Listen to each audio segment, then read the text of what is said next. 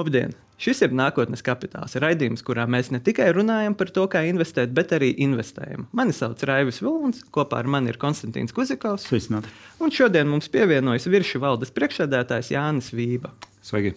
Virši ir viens no Baltijā biržā kotētajiem uzņēmumiem, viens no Rīgas biržā esošajiem aktīvajiem uzņēmumiem, jo mēs zinām, ka mums ir arī zināma saujiņa to saukto spoku uzņēmumu, kuri tur ir, bet nu, tirsniecība nekāda nenotiek, bet ar viršiem notiek diezgan aktīva tirsniecība. Tāpēc mēs arī šodien esam aicinājuši jūs, Jāni, šeit, lai parunātu par to, kā sokas viršiem, kādi ir nākotnes plāni, un arī lai varbūt mūsu skatītājiem, kuri grasās investēt vai investē, iedot uzņēmumam arī kaut kādu seju. Tāpēc mans pirmais jautājums arī jums ir, kā sokas virs šiem šobrīd? Jā, sokas, es teiktu, mums ļoti labi. Tādā ziņā, ka pirms pāris nedēļām publicējām 22. gada rezultātus un esam joprojām turpinājuši jaudīgi uzlabot gan uzņēmumu pelnītspēju, gan arī tirgus daļas. Uh, Un, tas, protams, viss dod pamatu tādām optimistiskam skatienam arī nākotnē. Un, ja runājam par to tādiem tuvākiem plāniem šim gadam, nākamajam gadam, tad es atgādināšu, ka mūsu uzņēmums ir trijos tādos segmentos darbojošs. Pirmais ir degviela, otrais ir veikala preces, un trešais, ko varbūt cilvēki vēl joprojām mazāk pamana, bet mēs darbojamies arī enerģētikas segmentā. Uh, Nu, lūk, un tad degvielas un veikala segmentā mēs aktīvi turpināsim paplašināt savu uzpildu stāciju tīklu. Pašlaik mums ir 70 stācijas. Plānojam, ka nu, pēdējos gados 3 līdz 5 stācijas mums katru gadu nāk klāt. Līdzīgi, es domāju, tendenci redzēsiet arī, arī šogad. Uh, savukārt, enerģētikā eh, mēs jau apkalpojam eh, biznesu, jeb juridiskā segmenta klientus, bet plānojam šajā gadā arī sākt elektrības tirdzniecību mājsaimniecībām.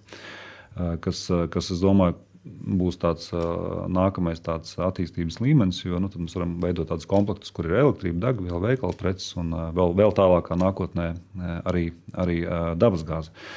Tā kā nu, plāni ir pietiekami jaudīgi, un es domāju, tā ir darīšanas vaina, lai to realizētu. Bet ar ko bija saistīti pagājušā gada rezultāti? Mm -hmm. Ar inflāciju, tāpēc ka gan uh, mazumtirdzniecība nenormāli izauga ar 20% inflāciju. Tas faktiski pārnēsās uz, uz gala lietotājiem. Tas nozīmē, ka nu, teorētiski nevis biznesa mm -hmm. kaut ko izdarīja labāk, bet vienkārši cenas kļuva dārgākas. Un arī tas pats arī uz degvielu. Vai Jā. tomēr tas ir saistīts ar kaut kādām citām lietām?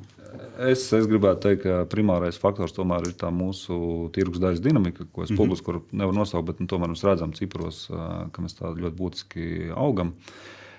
Par inflācijas ietekmi nu, divas lietas. Tad veikala precēm inflācijas efekts jāsaprot, ka jā, gala produkts cena viņam palielinās, bet arī pašizmaksa tam produktam palielinās. Līdz ar to mums tā marža, tā mhm. fiksētais procents, viņš īstenībā plus mīnus paliek nu, tuvu tam, kāds viņš ir bijis arī vēsturiski. Uh, Tas par veikalu precēm, savukārt par degvielu.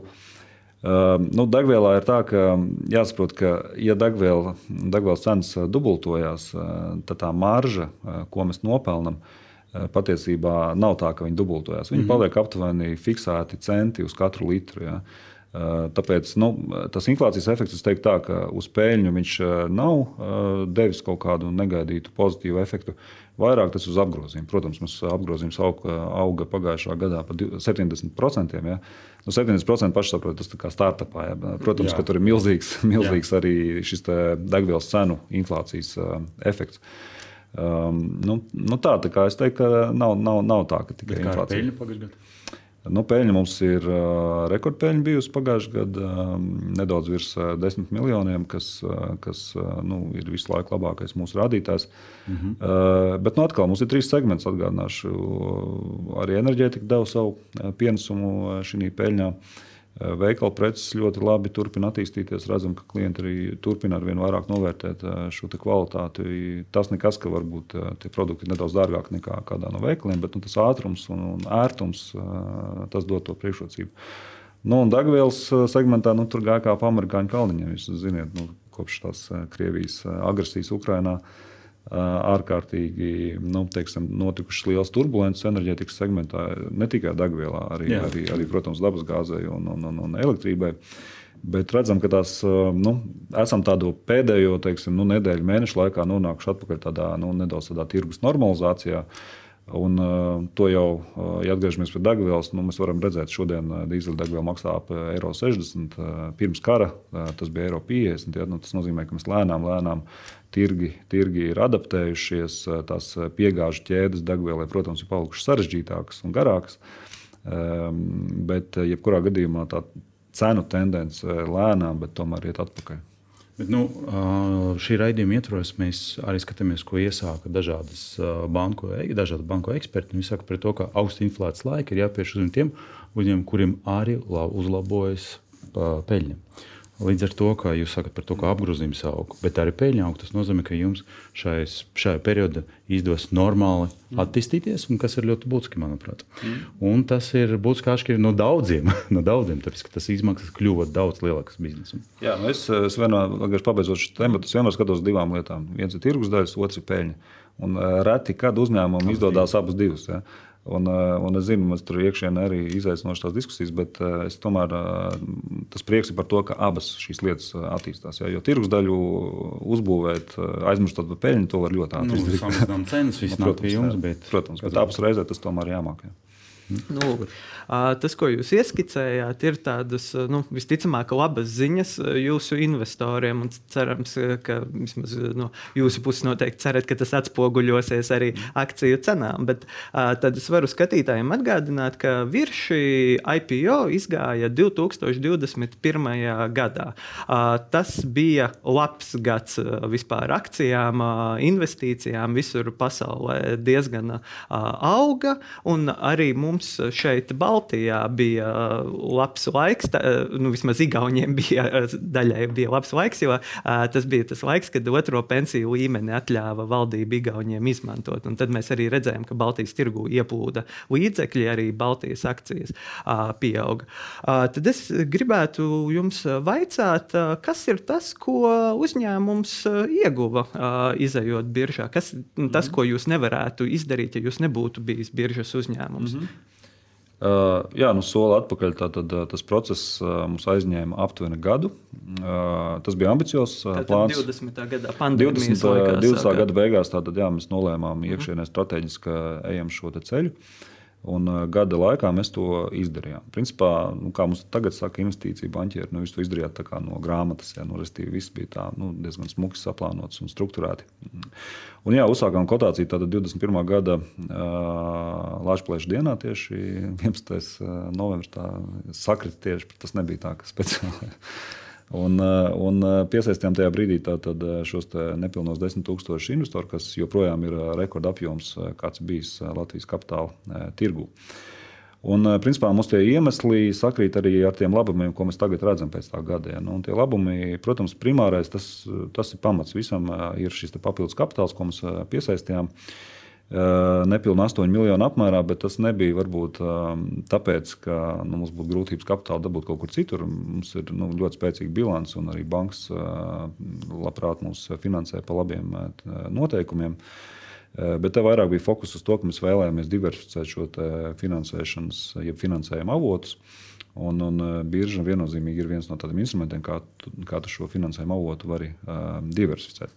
Bet tas ir viens tāds. Ja. Uh, otrs, uh, otrs noteikti ir tas, ka tas vingrinājums gada garumā nu, deva tādu papildus disciplīnu, izdarīt mājas darbus, ko varbūt nu, vēsturiski gribējās darīt, bet nu, vienmēr kaut kā tur nebija laiks, nebija kapacitāte. Nu, tagad skaidrs, mums bija, mums bija mērķis, mums ir jāizdara, mums ir uh, konkrēti termiņi. Līdz ar to mēs diezgan daudz ko varējām uzlabot gan korporatīvā pārvaldībā, gan juridiskajā blokā, gan arī, protams, finanšu teiksim, sadaļā. Bija vairāk procesu, ko, ko pilnveidojām. Un tas padarīja, protams, uzņēmumu vēl tādu spēcīgāku arī tādā konkurētspējas ziņā. Un, papildus, protams, jāmin tie labumi un arī tie iemesli ir tieši par zīmola atpazīstamību. Ja, jo, viss šis process tomēr deva papildus tādu uzrāvienu zīmola atpazīstamībā potenciālo klientu vidū. kas attiecīgi atkal iet roku rokā ar to biznesa attīstības nu, ceļu, lai mēs varētu tātad, iegūt papildus klientus. Un tā zīmola atpazīstamība novada arī pie tās klientu teiksim, lojalitātes, jo mēs izstrādājam tādu programmu, kuras ietvaros, ja tu esi akcionārs, tu vari dabūt papildus labumus. Nu, tad ir lieki teikt, ja tu esi uzņēmuma kaut vai maziņš, bet tomēr līdzīpašnieks, nu, visticamāk, tev tomēr gribēsies iebraukt pie mums, nevis pie konkurentiem. Ne? 4,7 tūkstoši no jauniem klientiem jūs noteikti dabūjāt. jā, tā ir lojāli, jā, bet noteikti būs tie regulāri klienti. Jā. Lojāli. Mm. Jā, un, vai jūs zināt, kas ir šī brīža jūsu investors? Jo mēs šeit redzam, ka tas bija IPO, tur 4700 bija no Latvijas, 5000 ar 100 bija no Igaunijas. Tad patiesībā drusku vairāk varētu tā likties, ka Igauni būtu krietni vairāk ieguldījuši, ņemot vērā, ka viņiem bija pieejams otrais pensiju līmenis. Bet kā šobrīd ir, vai jūs zināt, kas ir jūsu investors? Jā, nu, ja mēs tā ļoti nopaļojam, tad ja IPO sākumā bija 50% pret 50% latviešu igauņu, tad tagad tā tendence pēdējos mēnešos mēs redzam, ka Latvijas iedzīvotāju īpatsvars palielinās. Un redzam, to, ka jau nu, nedaudz virs 70% īpatsvara ziņā mums ir tātad latviešu portfels no Latvijas tātad, iedzīvotājiem.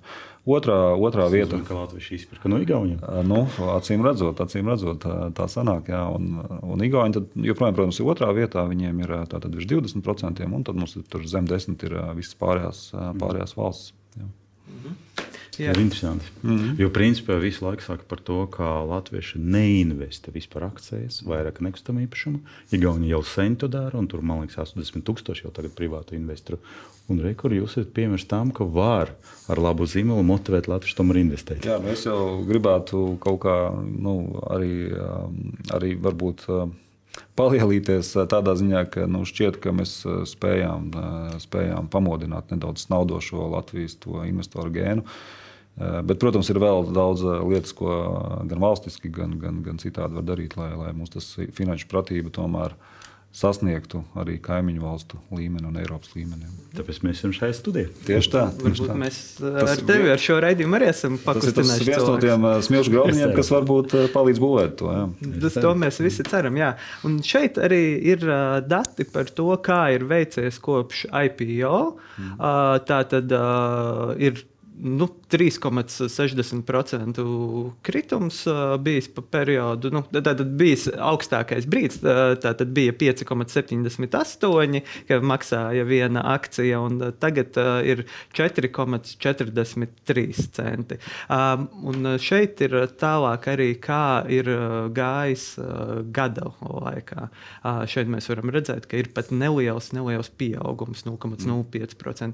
Man ir jautājums jums, kā uzņēmuma vadītājiem, cik lielā mērā jūs sekojat līdzi tam, un vai, teiksim, piemēram, tas, ko mēs redzējām iepriekšējā grafikā, tas nu, lielais kritums, kas uh, ir loģisks, jo tajā periodā arī uh, visā tirgu, visā pasaulē notika līdzīgas situācijas. Kā tas ietekmē to iekšējo sajūtu? Vai nav sajūta, ka jūs esat kaut kur kļūdījušies, vai ka mums tagad kaut kas steidzīgi ir jādara? Tas, ko es skatos, principā ir divas lietas. Viens ir, kā mēs izturāmies pret IPO laika cenu, kas bija 4,49. Tātad nu, mm -hmm. 4,43 tas ir, ja nemaldos, tur nu, plus mīnus 1% mm -hmm. samazinājums, kas, kas šajos apstākļos arī varbūt nav tas teiksim, sliktākais. Tas pīķis, ko es rādīju iepriekš, nu, tā bija tāda nedaudz tāda ažiotāža, jo Tas jau bija 21. gads, kad bija gājis uz augšu. Tas ir viens, ir, bet arī, arī ar to nevarēja izskaidrot. Tur vairāk bija tāda ažiotāža, ka kaut kā mums izdevās iekustināt, un tad cīnījās par tām akcijām gan Igauni, gan Latvieši. Bet nu, tas bija tāds varbūt īstermiņa efekts. Tagad esam atpakaļ plus mīnus tajā IPO līmenī. Nu, kā es to skatos? Es, es teikšu godīgi, nu, sportiskā interese ir ik pa laikam apstīties akcijas dinamiku, bet viennozīmīgi jāsaprot, ka akcijas tas ir pilnīgi un absolūti ilgtermiņa pasākums. Ja. Mums visi biznesa projekti, biznesa lēmumi ir balstīti ne jau uz divu, trīs mēnešu kaut kādu nu, kā saka, atdevi bet drīzāk tiešām uz tādu ilgtermiņa attīstību, un uz to mēs arī tieši tādā veidā skatāmies. Un, mēs paskatāmies matemātiski, tad um, atgādināšu, ka tajā brīdī, kad mēs uh, uzsākām kotāciju, tas bija 21. gada noslēgums. Mums tādi fundamentāli nu, akcijas valuācijas rādītāji, nu, es pat nezinu, kā viņi latviskot, bet, nu, piemēram, price earnings. Mm -hmm Viņš bija, šis rādītājs bija krietni teiksim, varbūt, nu, sliktāks nekā viņš ir šobrīd. Jo šobrīd, kas ir noticis, mēs esam vēl būtiski kāpinājuši peļņu. Akciju cena ir plus mīnus tajā pašā IPO līmenī. Uh, Tas nozīmē, ka mūsu akciju vērtība, principā, nu, šī pusotra gada laikā, kamēr mēs esam kotēti, ir kļuvusi nu, pievilcīgāka. Bet to mēs neredzam šajā cenas dinamikā pagaidām. Un tas iemesls, nu, viens no, protams, ir tomēr jāņem vērā šī ģeopolitika. Mēs redzam, ka cīņā ar šo enerģētikas krīzi centrālās bankas ir ļoti būtiski audzējušas šīs procentu likmes. Uh, Nu, ko nozīmē tas kapitāls? Kapitāls, protams, meklē tur lielākās atdeves. Viņš bieži vien aizmigrē projām no akciju tirgiem uz, uz teiksim, valsts parādzīmēm vai, vai, vai citiem finanšu instrumentiem. Tāpēc arī redzam, ka gan Eiropas, gan ASV tirgi biržās tomēr ir kritušies pēdējo, pēdējo periodu laikā. Nu, tad, tad, ja mēs ņemam vērā šo te, nu, vidi, kurā mēs operējam, šajā diezgan tādā mm, diezgan saspringtajā e, pēdējā e, gada pusotra laikā. Es teiktu, ka absolūti ir ok, ka mēs e, neesam nekur baigi krituši. Mēs esam saglabājuši IPO līmeni, par spīti tam, ka varbūt pasaules tirgi ir krituši vairāk. Ja. Bet tajā pašā laikā, nu, jā, kā minēju, mūsu uzskats ir, ka, protams, tā akcijas cenai tā dinamika nākotnē var būt krietni augstāka. Nu, to apliecina arī dažādi mums neatkarīgie, arī publiski ir pieejami pētījumi no LHV un citur, ka, ka tā patiesā akcijas vērtība varētu būt nu, būtiski augstāka. Bet mēs, tas nav tāds pašmērķis. Mm -hmm. ja? mēs, mēs to darām, mēs normāli darām savu biznesu tāpat kā līdz šim. Jo mēs zinām, ka ilgtermiņā tas novadīs pie attiecīgiem rezultātiem arī, arī šajā akcijas ciprā. Par to, lai turpinātu izmantot bieži un piesaistīt finansējumus ar obligācijām. Jo, principā, tie cilvēki, kas jums tagad uzticās, tad viņi var būt tie, kas arī nopirks obligācijas. Vai ir tādi plāni? Pa, pa, pašlaik, pašlaik teiktu, plāns tāds, tāds nav, jo nu, obligācijas tomēr parasti būs nedaudz dārgāks avots nekā, nekā bankas, vismaz mm -hmm. mūsu gadījumā. Mm -hmm. Un mums pašlaik nav, nu, nav problēma nekādu šo finansējumu iegūt no, no bankām. Uh, Un tāpēc es domāju, ka obligāciju segmentā mēs pašlaik neiesim. Mēs sanākam, kā bišķiņi uzreiz ielicām akciju tirgu. Ļoti daudz uzņēmumu iet no sākuma obligācijas, un tad mm -hmm. akcijas, jā, bet mēs kaut kā uzreiz pārlicām to obligācijas, vingrinājām pāri. Un, un, un mēs pašlaik esam apmierināti, ka mums ir tāda mūsu banku finansējums, mums ir mūsu paša ģenerētā naudas plūsma. Un tad mums ir vēl šis trešais instruments, kas ir akciju tirgus, ko mēs varam izmantot, eh, ko esam jau izmantojuši. Nu, varbūt nākotnē arī vēlreiz izmantosim. Lai arī pašlaik tās plāns nav, bet nevar jau izslēgt. -hmm. Jūs uh, minējāt, nu, ka ir pētījumi dati, kas liecina, ka akcijas varētu būt, jūsu uzņēmuma akcijas varētu būt vēl nepietiekoši novērtētas. Uh, bieži vien izskan tāds, nu, starp Baltijas ekspertiem runājot, ka uh, Igaunu uzņēmumu un Igaunu biržā esošās akcijas ir pārvērtētas kaut kādā ziņā, nu, tāpēc, ka bija tas lielais naudas ieplūdums un Igauni nu, sapirkās, bet savukārt Latvijas un arī Lietuvas uzņēmumi vēl ir nenovērtēti paredzēti. Vai jūs arī redzat šādu dinamiku?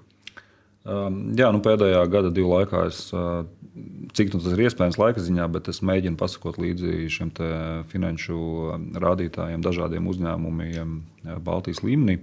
Nu, atkal atgriežamies pie tā price earnings, viņš diezgan labi tomēr noraksturo to. To situāciju, es teiktu, ka jā, mēs redzam, ka Igaunijā ir uzņēmumi, kas tomēr um, ir nu, vērtē, vērtējuma ziņā krietni varbūt uh, tādi vairāk pārvērtētāki nekā, nekā Latvijā, Lietuvā. Un, eh, un tāpēc, eh, nu, atkal jautājums, kāpēc tas tā ir? Nu, ļoti iespējams tas tāpēc, ka Igauniem tomēr tā vēsturiskā pieredze bijusi eh, kaut kādā mērā pozitīvāka. Viņiem tomēr ir bijuši labi piemēri jau sākot no Hansa bankas laikiem, pēc tam bija, protams, Tallinas ostas un vēl citi. Un valsts ir spējusi arī tagad, nu, iesaistīt arī šo valsts uzņēmumu kotāciju, kas Latvijā nenotiek, diemžēl, bet tas noteikti būtu, būtu vajadzīgs, ka valsts uzņēmumi iesaistās šajā biržas mehānismā. Un tāpat Igauniem atceramies par šiem vienradžiem. Ja, tur ir Skype, tur ir Bolts, tur ir TransferWise, tur ir vēl citi, kas, kas tādā kapitāla tirgus ziņā ir spējis iespējams tiem igauniem tomēr to grūdienu investēšanai dot mm. lielāku nekā tas Latvijā noticis. Bet te pašā laikā nu, es vienmēr saku, nu, nav ko čīkstēt. Vienkārši jādara, ja, un tāpēc mēs arī cenšamies, cenšamies ar savu piemēru veicināt arī Latvijā to kultūru. Ja mēs runājam par šo brīdi, nu, par, par jau aprīli 23. gada, kāpēc ir jāinvestē? Kāpēc man ir jārunā ar saviem draugiem, kolēģiem par to, ka jāpērk tieši viešu akcijas? Jā, ja runājot tieši par mūsu uzņēmumu akcijām, es teiktu, ka tur ir vairāk iemeslu. Viens tāds varbūt netipiskais ir tas, ka tātad, ja jūs kā investors atrodaties Latvijā, jūs saņemsiet ļoti labu to nu, mūsu izveidoto atlaižu programmu.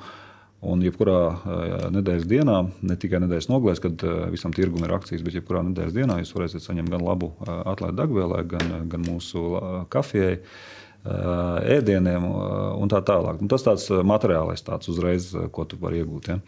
Bet ir sīkums, bet patīkami. Jā, nu, nu, vai arī atkarībā cik daudz brauc. Jā, tā pašā laikā mēs redzam kā sīkums, bet, bet tie mūsu investori daudz patiesībā izmanto. daudz izmanto. Ja, daudz izmanto. Tad jā, pietiek ar vienu akciju. Uh, nav. Nē, tad tik vienkārši nav. Mums, mums ir tātad nepieciešams simts akcijas, lai, lai varētu šī programmā mm. nokļūt. Bet nu, tas ir tāds, tā kā tāds. Tas jau 400 ar kaut ko jā. eiro. 450 eiro ieguldījums. Jā, jā, jā, tad, jā. tad jāparēķina, cik kilometrus nobrauc. gada, gada grīzuma pie tēsas un degvielas cenas. Jā. jā. Nu, jā, tas tā tāds pirmais bloks tieši, ka jūs tādā veidā tiekat pie tiem labumiem tieši no mūsu produktiem. Uh, otrais bloks uh, noteikti ir arī tas, ka mēs cenšamies mūsu investorus nedaudz palutināt, iedot kaut kādas ziņas ātrāk, varbūt nekā tur citur kāds pamana par mūsu attīstības plāniem, kā mēs virzamies, ko mēs darām. Eh, arī eh, mēģinu pārsteigt pa laikam ar kādiem eh, nu, kodiem, kuponiem, kur tu vari iegūt papildus produktu pa brīvu. Tas tā kā, bet, trešais bloks, tā, tad, protams, ir tas nu, standarts. Mums ir tātad konkrēta dividendžu politika. Mēs pēdējā gadā, un arī šajā, es domāju, iesim uz to, ka 20% no peļņas tiek dalīts dividendēs. Uh, un pāri visam, protams, ir mana nu, pilnīga pārliecība, ka tā akcijas cenas dinamikai pie šā brīža teiksim, attīstības tempa un tiem rezultātiem, ko mēs spējam ģenerēt, nu, tā akcijas cenai viņa nākotnē normalizējoties uh, tai situācijai, varbūt uh, pasaules ekonomikā, nu, vajadzētu arī uh, turpināt paaugstināties. Ja. Tā kā nu, saliekot šos segmentus kopā, es domāju, tie ir normāli argumenti, lai, lai apsvērtu šādu iespēju. Nu, par bejautu vēl pragru runāt. Nē, nu, jā, droši vien. Uh, bet, uh, mēs esam, nu, iepriekš ir uh, bieži vien izskanējis, nu, ka degvielas tirgu Latvijā ir diezgan liela konkurence. Nu, mums ir uh, vairāki spēcīgi uzņēmumi ar diezgan spēcīgiem zīmoliem. Un tad savukārt jūs arī šobrīd ejat enerģētikas tirgu, kur arī ir savi spēcīgie zīmoli. Un runājot par biržu, jūs bijāt līdz šim nu, vienīgais degvielas uzņēmums biržā, bet tagad enerģētikā jūs jau sākat ar Enefit Green un Ignitis vēl mm. konkurēt. Uh, tad es saprotu, ka ja ir visi šie plāni, tad jūs jūtaties diezgan droši par savu pozīciju un par savu spēju piedāvāt kaut ko, ko šie uzņēmumi nespēja. Pilnīgi absolūti droši. Mums tā ambīcija ir nu, pietiekami, pietiekami pozitīvā ziņā agresīva. Ja. Mums ir apkopots, manuprāt, tirgu labākais pieejamais darbinieku talants, kas spēj virzīt šos projektus uz priekšu. Un mums ir tā priekšrocība, ka neviens no jūsu nosauktajiem nespēja piedāvāt, piemēram, tās pašas veikala preces vai degvieliem. Mēs savukārt spējam uztaisīt tādu komplektiņu, spēsim drīzāk uztaisīt tādu komplektiņu, kurā ir visi šie enerģētikas produkti, produkti vienā vietā. Tāpēc es teiktu, ka mums ir pilnīgi skaidrs, kur mēs gribam nonākt.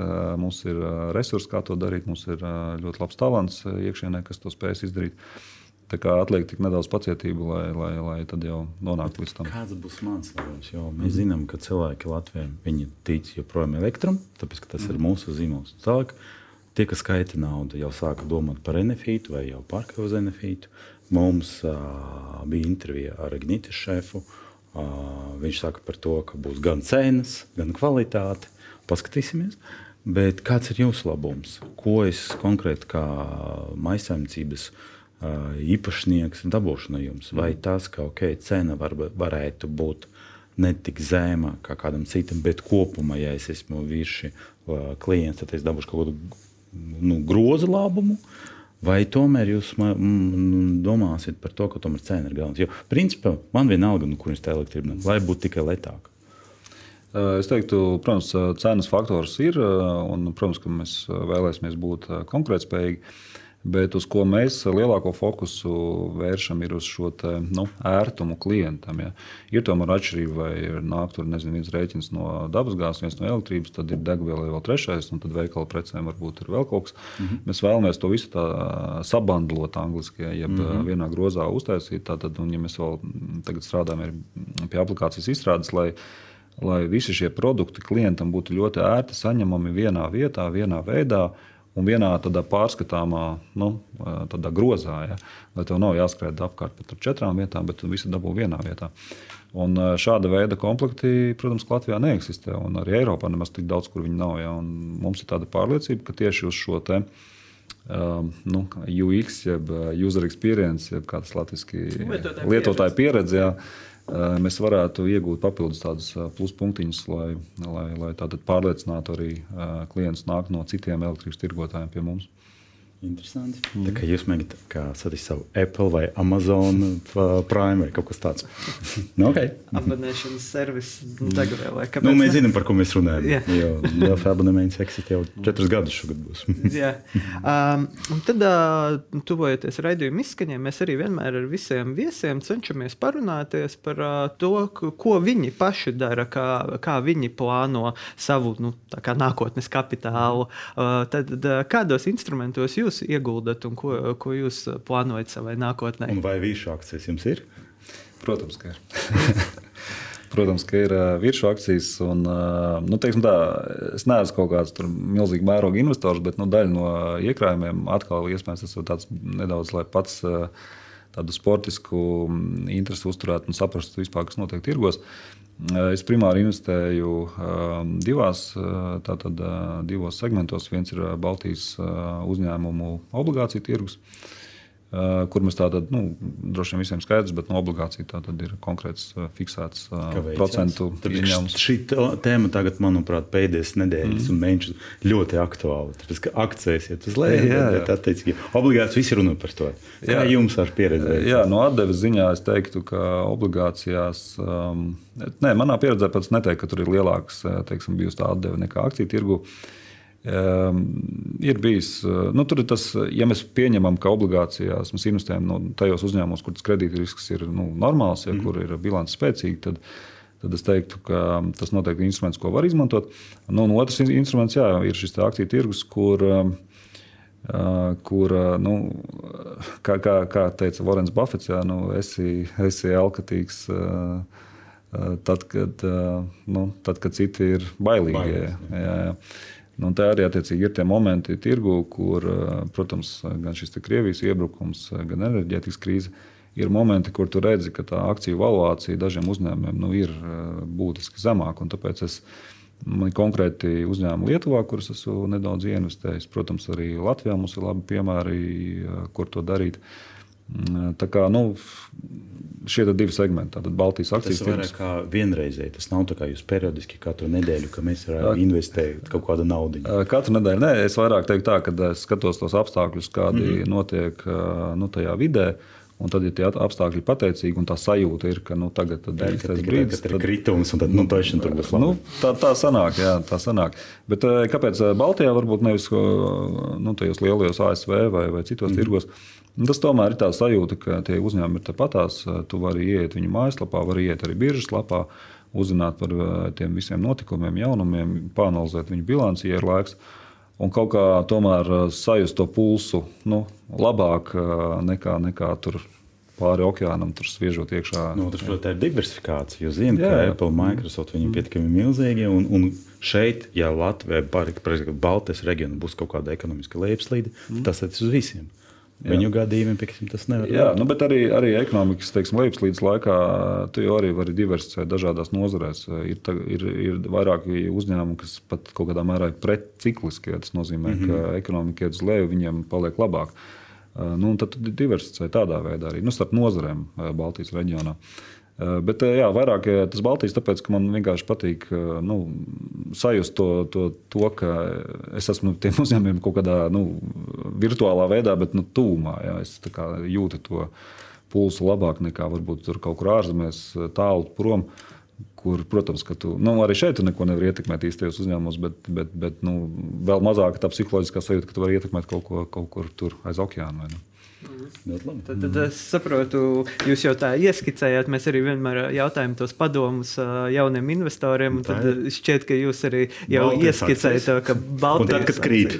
Un tad, kad krīt. Tikai vienmēr ir jautājums, vai tu vari konstatēt to brīdi, jā. kad, kad krīt. Bet, bet jā, nu, noslēgumā noteikti es teiktu. Nu, Kas gan cits to finanšu pratību veicinās, ja mēs visi kopā. Un es tiešām domāju, ka katrs iedzīvotājs viņš, nu, visticamāk var atrast kaut nelielu uh, eiro daļiņu. Ja tur pietiek pāris eiro, burtiski 4 eiro 43 centi. Tieši tā, lai patestētu kaut vai. Ja. Tur neiet runa, ka tagad būs baigās peļņas vai kas, bet, bet vienkārši patestētu to procesu un tad uh, laika gaitā jau varbūt arī palielināt to investīciju. Mūsu skatījums grib atgādināt par to, ka man ir portfels, kas pārsvarā ir no ASV akcijiem.